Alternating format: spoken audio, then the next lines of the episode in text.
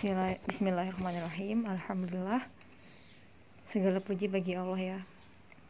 Senang sekali rasanya Allah berikan kesempatan Untuk mengenali Para hamba-hamba yang Allah kasihi.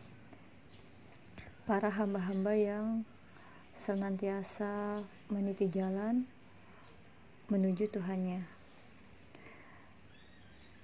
Ya di sini mengenal mereka melalui sebuah tulisan yang disyarah oleh Syekh Abdullah Asyarkawi Al-Khalwati yang mensyarah kitab Al-Hikam karya Ibnu Athaillah As-Sakandari. Oke, di sini makalah demi makalah telah beliau tuliskan telah beliau tuliskan di sini dalam membaca kitab ini tuh hmm, senang sekali ya senang sekali dan sangat terhibur ketika mengenali bagaimana pola berpikir dari para kekasih-kekasih Allah ya.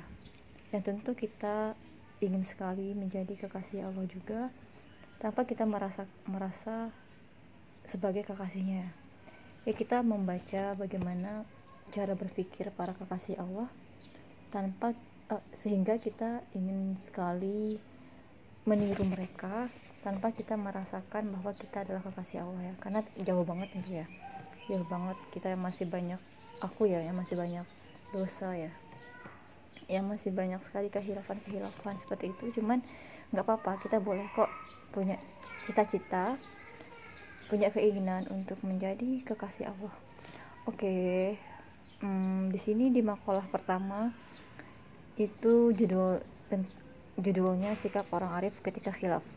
Oke bunyi makalah pertama itu adalah min alamatil i'timad ala al-amal nuqsan wa raja'i inda wujudi zulal. Min alamatil i'timad di antara tanda-tanda sikap mengandalkan amal ala amal mengandalkan amal nuqsan raja berkurangnya harap kepada Allah inda wujudin zulal ketika hilaf oke di sini um, melalui penjelasan-penjelasan Ustadz Syatori. Dan ada juga Ustadz yang lain beserta penjelasan dari Imam Asyarqawi uh, bahwa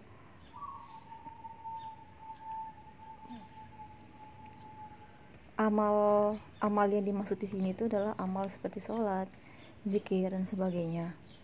Yang tentu kita sering sebagai manusia al-insan yang sering kali lupa pernah khilaf ya.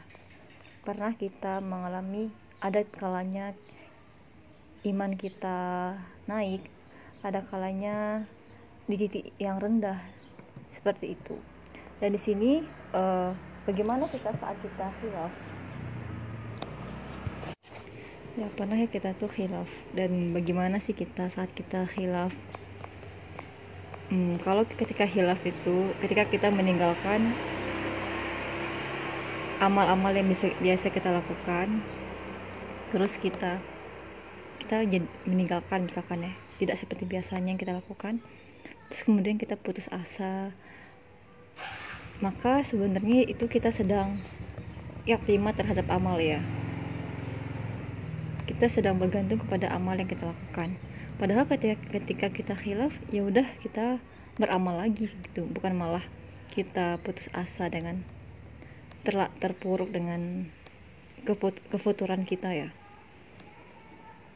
Oke jadi seperti itu.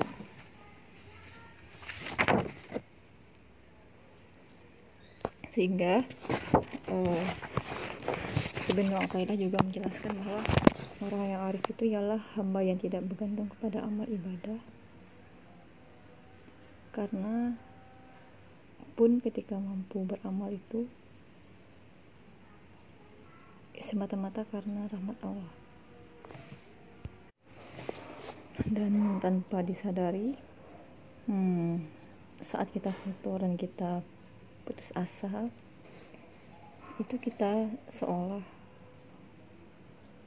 seolah-olah melupakan bahwa kemampuan kita beramal itu kan karena pertolongan dari Allah ya.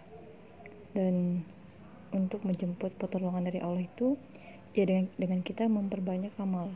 Amal-amal yang Allah ridhoi. Sehingga Allah itu ridho dengan Allah itu ridho dengan kepada kita maka Allah akan memberikan pertolongan kepada kita berupa mudahnya kita mudahnya kita dalam beramal soleh yang Allah ridhoi jadi seperti itu. Ya kita mesti berhati-hati dengan dengan amal yang kita lakukan. Jangan sampai kita berikhimat oke sekian. Assalamualaikum. Bye bye